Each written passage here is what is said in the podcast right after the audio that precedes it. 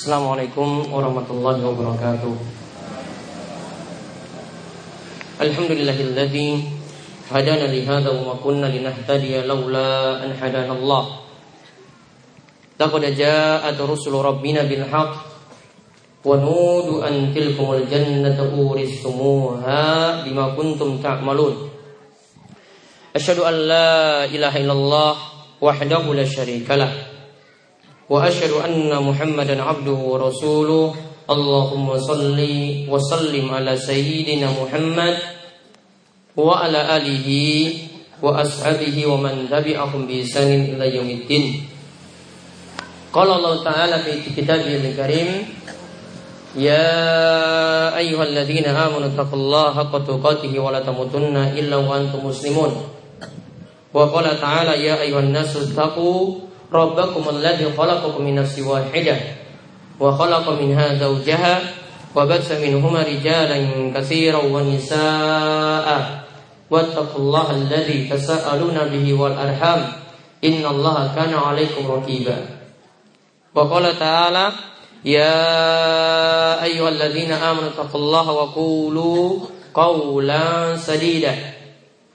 يصلح لكم أعمالكم ويغفر لكم ذنوبكم ومن يطع الله ورسوله فقد فاز فوزا عظيما فإن أصدق الحديث كتاب الله وخير الهدى هدى محمد صلى الله عليه وسلم وشر الأمور محدثاتها وكل محدثات بدعة وكل بدعة ضلالة وكل ضلالة في النار الله أكبر Allahu Akbar La ilaha illallah Wallahu Akbar.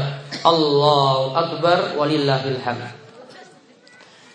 Kaum muslimin Jemaah sholat Idul Adha 1436 Hijriah yang semoga selalu dirahmati oleh Allah Subhanahu wa taala.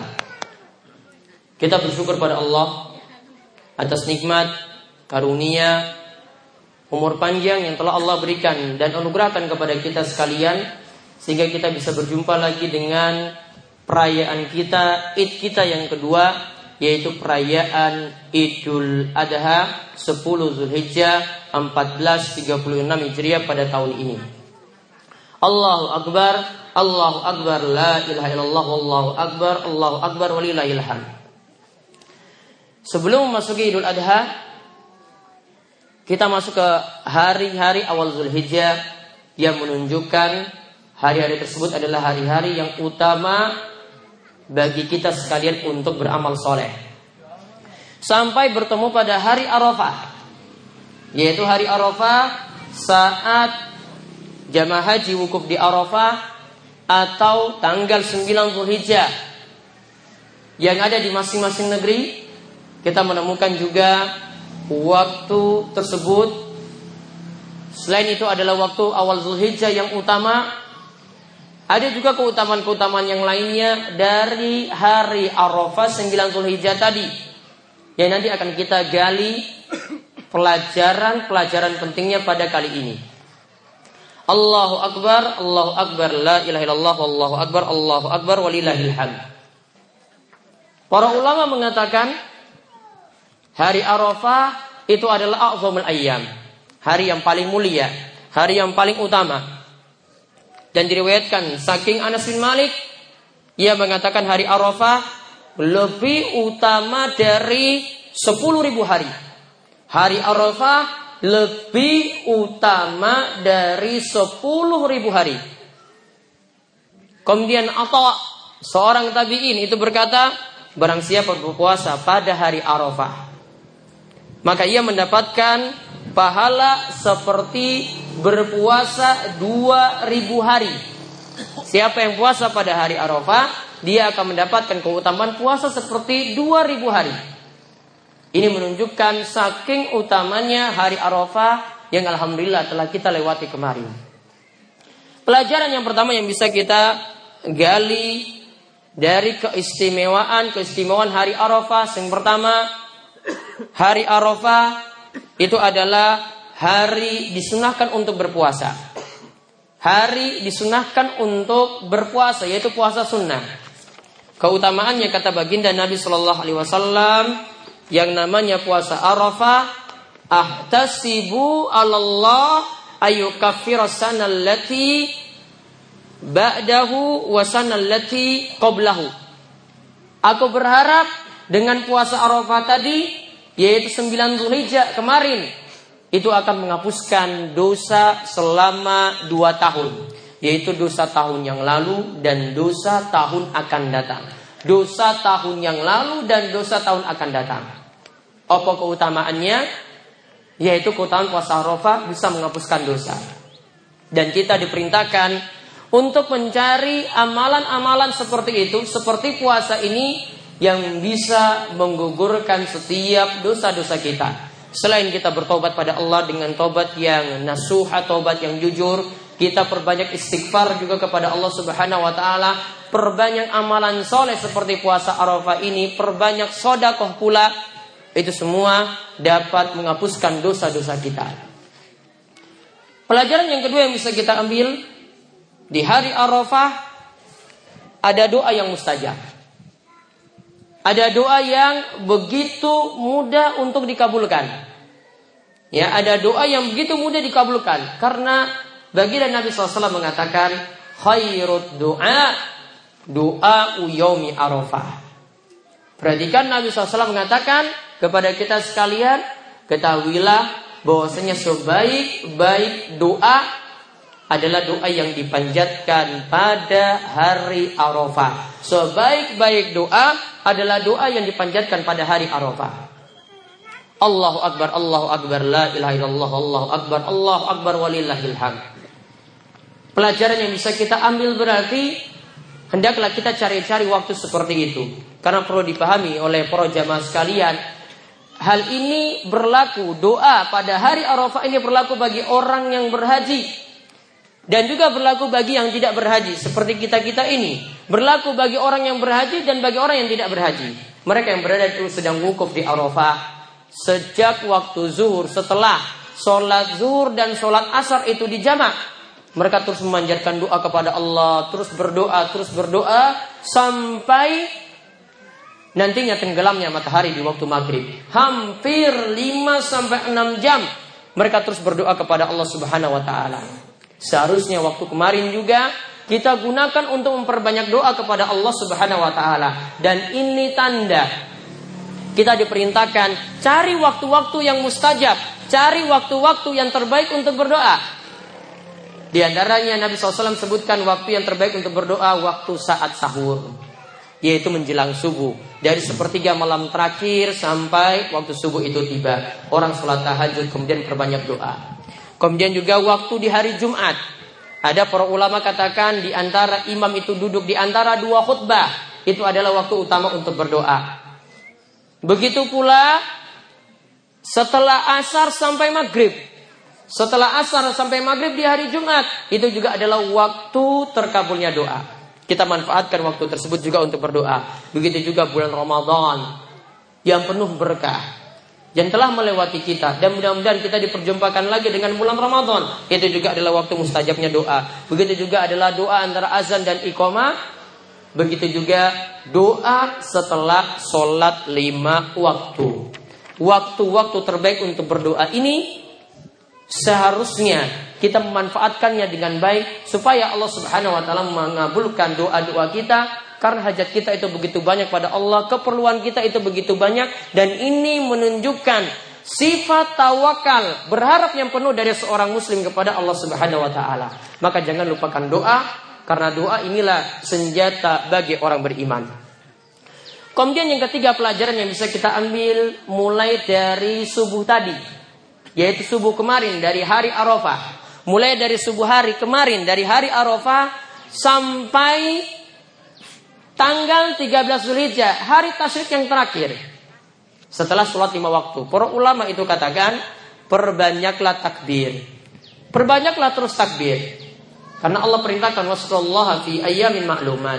Berzikirlah yaitu bertakbirlah kepada Allah di hari-hari yang tertentu. Di antara hari-hari ini adalah hari-hari yang tadi. Maka mulai dari hari Arafah waktu subuh sampai hari ke-13 dari bulan Zulhijjah hari tasyrik yang terakhir pada hari Ahad besok kita diperintahkan untuk terus memperbanyak takbir setelah kita sholat. takbir Allahu Akbar, Allahu Akbar, la ilaha illallah, wallahu Akbar, Allahu Akbar walillahil hamd. Pelajaran yang bisa kita ambil dari sini, kita diperintahkan untuk benar-benar membesarkan nama Allah Subhanahu wa taala, untuk mengagungkan Allah. Berarti kalau kita mengagungkan Allah, kita tidak boleh tawakal kepada selain Allah yang ini merupakan amalan hati. Kita juga tidak boleh melakukan sembelian kepada selain Allah, tumbal pada selain Allah yang ini merupakan amalan lahiriah. Karena setiap ibadah kata Allah inna solati wa nusuki wa mahyaya wa mati lillahi rabbil alamin. Karena solatku, sembelianku, hidupku dan matiku hanya untuk Allah, Rabb semesta alam. Maka ibadah-ibadah tadi patut kita tujukan kepada Allah dan diharamkan. Bahkan bisa membuat orang seseorang itu tersesat di dalam neraka, masuk dalam neraka karena dia berbuat syirik kepada Allah Subhanahu wa taala dan mudah-mudahan Allah menjauhkan kita dari perbuatan melecehkan Allah, perbuatan yang membuat Allah Subhanahu wa taala itu murka. Pelajaran yang keempat yang bisa kita ambil lagi adalah hari Arafah. Saat itu turunlah wahyu. Yaitu yang merupakan tanda Islam itu sudah sempurna. Turunlah ayat Al-yawma akmaltu lakum dinakum wa atmamtu alaikum ni'mati wa raditu al-islam madina. Pada hari ini aku telah sempurnakan Islam kepada kalian. Dan aku telah mencukupkan nikmat bagi kalian dan aku ridho Islam menjadi agama kalian. Ini yang disebutkan dalam surat Al-Maidah. Pelajaran yang bisa kita ambil para jamaah sekalian, kita tidak boleh setelah Islam itu sempurna sebagaimana yang namanya wadah air kalau sudah penuh tidak boleh kita tambah lagi karena mubazir. Begitu juga kalau yang sudah penuh sudah sempurna tidak boleh kita kurangi. Maka ajaran Islam tidak boleh kita tambah-tambah, tidak boleh kita kurangi. Apa yang sudah diajarkan oleh baginda Nabi itulah yang kita ikuti, yang tidak baginda Rasul Shallallahu Alaihi Wasallam itu ajarkan, maka benar-benar kita itu menjauhinya. Kemudian pelajaran yang kelima, ini berlaku bagi orang yang sedang melaksanakan haji, yaitu pada hari Arafah ini mereka semua berpakaian putih. Mereka semua ketika itu berpakaian putih, laki-laki dengan dua helai pakaian, perempuan bebas warna yang dipakai. Dan ketika itu Nabi SAW mengatakan, Al-bisul bayadha fa innaha athar wa atyab. Wa kafinu fiha mautakum. Kata baginda Rasul SAW, pakailah baju warna putih. Ini ada anjuran ketika orang yang wukuf, berhaji tadi, mereka dianjurkan pakai kain warna putih. Karena itu lebih bersih, lebih baik dan kafanilah mayit di antara kalian orang yang mati di antara kalian dengan kain warna putih tadi. Hadis ini menunjukkan pelajaran pada kita orang yang sedang wukuf di Arafah, mereka memakai kain warna putih itu tanda mereka-mereka tadi diperintahkan untuk banyak mengingat mati. Karena nanti mereka akan memakai kain kafan yang sama yaitu memakai kain warna putih. Dan setiap kita tidak luput dari kematian. Semua pasti akan mendapati kematian. Maka ketika kita memakai baju warna putih seperti ini, maka itu tanda bahwasanya mati itu semakin dekat dan kita nanti akan dikafani dengan kain yang berwarna putih seperti itu pula.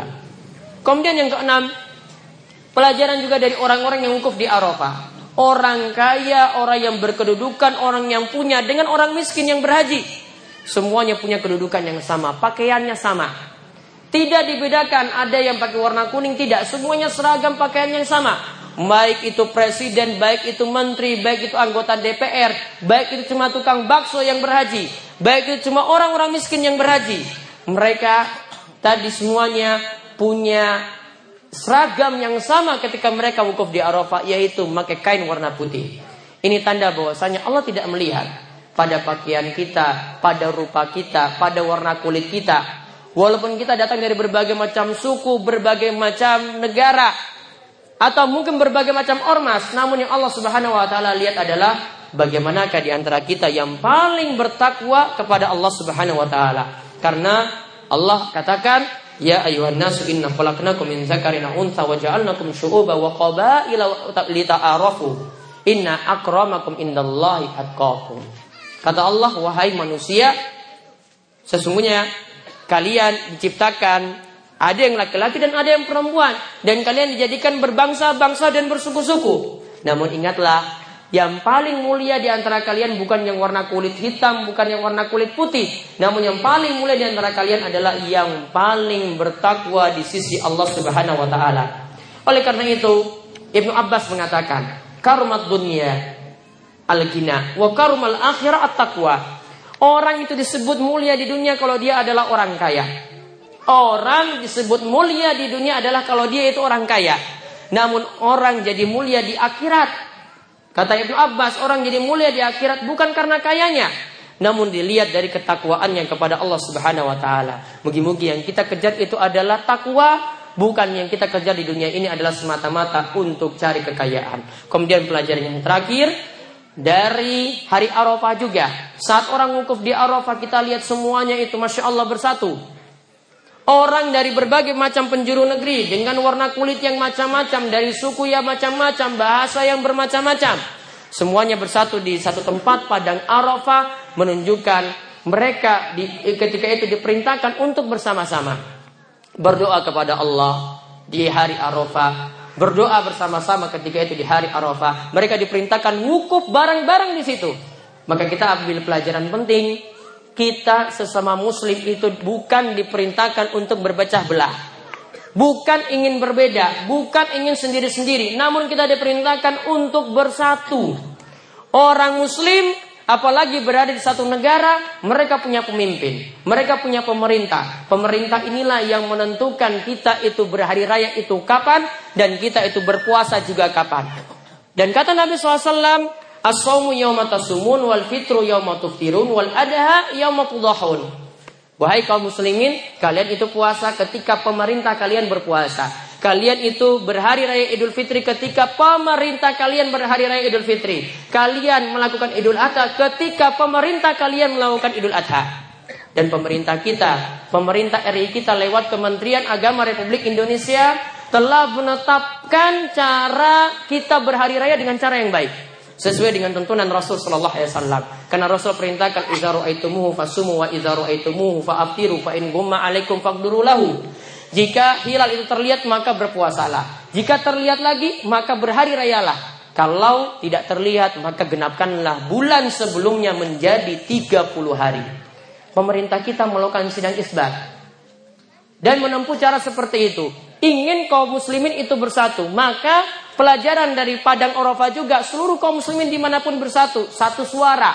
Arafahnya serempak. Maka ketika itu juga marilah kita juga yang berada dalam pemerintahan yang sah, pemerintahan Republik Indonesia bisa terus merasakan hari raya bersama-sama dengan pemerintah kita. Dan itulah yang sesuai dengan sunnah Rasul baginda Nabi kita Muhammad Sallallahu Alaihi Wasallam. Sunnah Rasul Dikatakan oleh Ibnu Umar, Ibnu Umar melihat hilal, namun dia masih melapor kepada pemerintah yaitu Nabi.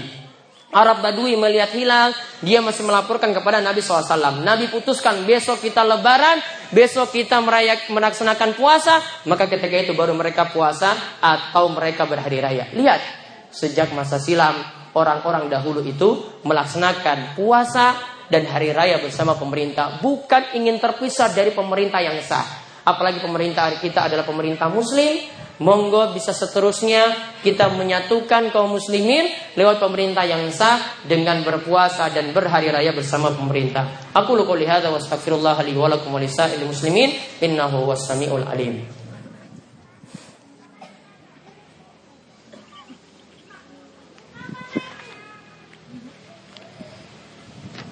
Alhamdulillahilladzi arsala rasulahu bil huda wa dinil haqq liyudhhira ala dini kullihi wa kafa billahi syahida wa asyhadu an la ilaha illallah wahdahu la syarika la iqraran bi wa tauhidan.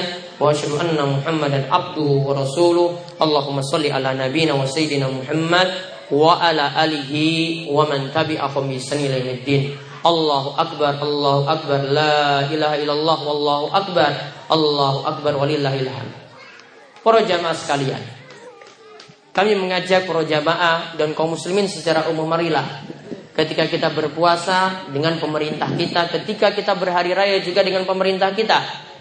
Dan inilah yang dikatakan oleh para ulama ketika menafsirkan hadis-hadis semacam tadi. Puasalah bersama pemerintah, hari rayalah bersama pemerintah, idul adhalah bersama pemerintah.